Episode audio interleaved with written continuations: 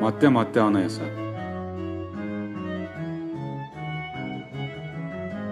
Programımızın bu bölümünde Avukat Haluk Can Elmada anayasanın yabancıların durumu başlıklı 16. maddesini anlatacak.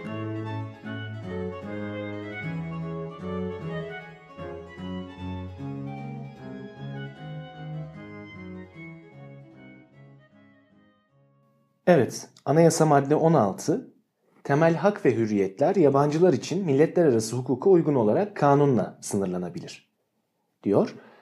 Ee, biliyorsunuz özellikle son dönemde ülkemizde çok fazla yabancı mevcut. Bu insanların bir kısmı bir şekilde vatandaşlığa geçiyorlar. Bir kısmı vatandaş olmadan yaşamaya devam ediyorlar. Bu insanların bir kısmının niyeti Türkiye'yi bir basamak olarak kullanarak başka bir ülkeye göç etmek. Avrupa gibi, e, Avrupa'da bulunan ülkeler gibi. Bir kısmının niyeti de kalıcı olarak Türkiye'de kalmak. Dolayısıyla bu madde de oldukça önemli bir madde. Fakat oldukça kısa bir şekilde değineceğiz. Zira konunun özünü zaten geçtiğimiz maddelerde tartıştık. Bu düzenlemede de yalnızca yabancıların temel hak ve özgürlüklerinin kısıtlanması durumunda bunun ancak milletler arası hukuka uygun olarak kanunla sınırlandırılabileceği hususu düzenleniyor.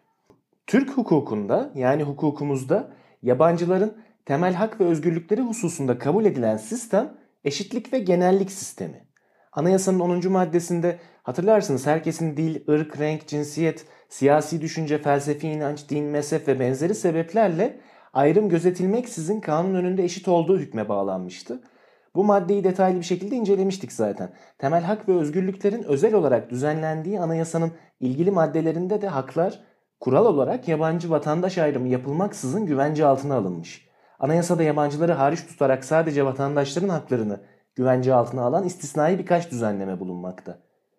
Örneğin 23. maddenin son fıkrasına göre sınır dışı edilememe ve yurda girme hakkından yoksun bırakılamama vatandaşlar için öngörülmüş bir güvence. Bakın istisnai birkaç düzenlenme bulunmakta derken anayasa içerisinde birkaç istisna bulunmakta. Anayasa dışında düzenlenen birçok istisna var haliyle. Hani bir e, kafa karışıklığı olmasın diye bunu söyleyelim. Yabancıların haklarına dair en liberal düzenlemeleri içeren yabancı cenneti sayılan hukuk düzenlerinde dahi yabancı vatandaş eşitliğinin mutlak anlamda sağlandığı görülmemekte. Yani bu zaten çok da mümkün değil. Çünkü devletin yabancıya ve vatandaşına birebir aynı muamele ediyor olması zaten akla da mantığa da pek yatkın değil. Devletler siyasi sınırları üzerinde sahip bulundukları ülkesel yetkinin bir sonucu olarak kamu güvenliği, kamu düzeni, kamu sağlığı gibi gerekçelerle yabancıların haklarını sınırlamakta veya yasaklamakta. Bu durum ülkemiz açısından da geçerli, dünyadaki bütün ülkeler açısından da geçerli. Yani başka bir ifadeyle hukukumuzda eşitlik ve genellik sistemi benimsenmiş olsa da yabancıların bazı hakları sınırlanmış ve yasaklanmış. Anayasa bu durumu öngörerek sınırlamanın, yasaklamanın ne şekilde ve hangi esaslara uygun yapılması gerektiğini 16. maddede hükme bağlamış. Buna göre yabancıların temel hak ve özgürlükleri milletler arası hukuku uygun olarak kanunla sınırlanabilir. Hükümdeki milletler arası hukuk kavramı tarafı olunan sözleşmeleri değil, zira tarafı olunan milletler arası sözleşmeye uyulması zaten gerekli, milletler arası hukukun kaynaklarının oluşturduğu kapsamı ifade ediyor. Madde 16'da getirilen diğer şart da sınırlamanın kanunla yapılması gereği. Şimdi burada kanun ifadesinden kasıt bildiğimiz kanun yani Türkiye Büyük Millet Meclisi tarafından yasama organı tarafından bu ad altında kabul edilen genel, soyut ve objektif düzenlemelerdir. Dolayısıyla yabancıların temel hak ve özgürlüklerinin kanunlarla değil de idari düzenlemelerle sınırlanması anayasanın bahsi geçen hükmüne aykırılık oluşturuyor. Şimdi baktığımız zaman şöyle bir problem ortaya çıkıyor. Yabancıların temel hak ve özgürlüklerini düzenleyen idari düzenlemeler doğrudan kanunlarla değil kanunların verdiği yetkiye dayanarak hazırlanan yönetmeliklerle, tebliğlerle, genelgeler yoluyla yapılıyor. Şimdi kanunlar yabancıların hak ve özgürlüklerinin korunması açısından genel prensipleri belirlerken idari düzenlemelerse bu prensipleri uygulamaya yönelik detaylı kuralları belirliyorlar. E, yönetmelikler, tebliğler ve genelgeler de doğrudan yabancıların hak ve özgürlüklerini düzenleme yetkisine sahip olan bakanlık veya ilgili kamu kurumları tarafından hazırlanıyor ve yürürlüğe konuyor. Ancak bu düzenlemeler de anayasaya ve kanunlara uygun olarak hazırlanmak zorunda. Şimdi diyorlar ki bu düzenlemeleri yaparken e biz bu bakanlık olarak bunları düzenlemeye yetkiliyiz veya biz bu ilgili kamu kurumu olarak bunları düzenlemeye yetkiliyiz diyorlar. Şimdi bunlar böyle bir düzenleme yaptıkları zaman tabii ki bunun da anayasaya ve kanunlara uygun olmak zorundalığı var.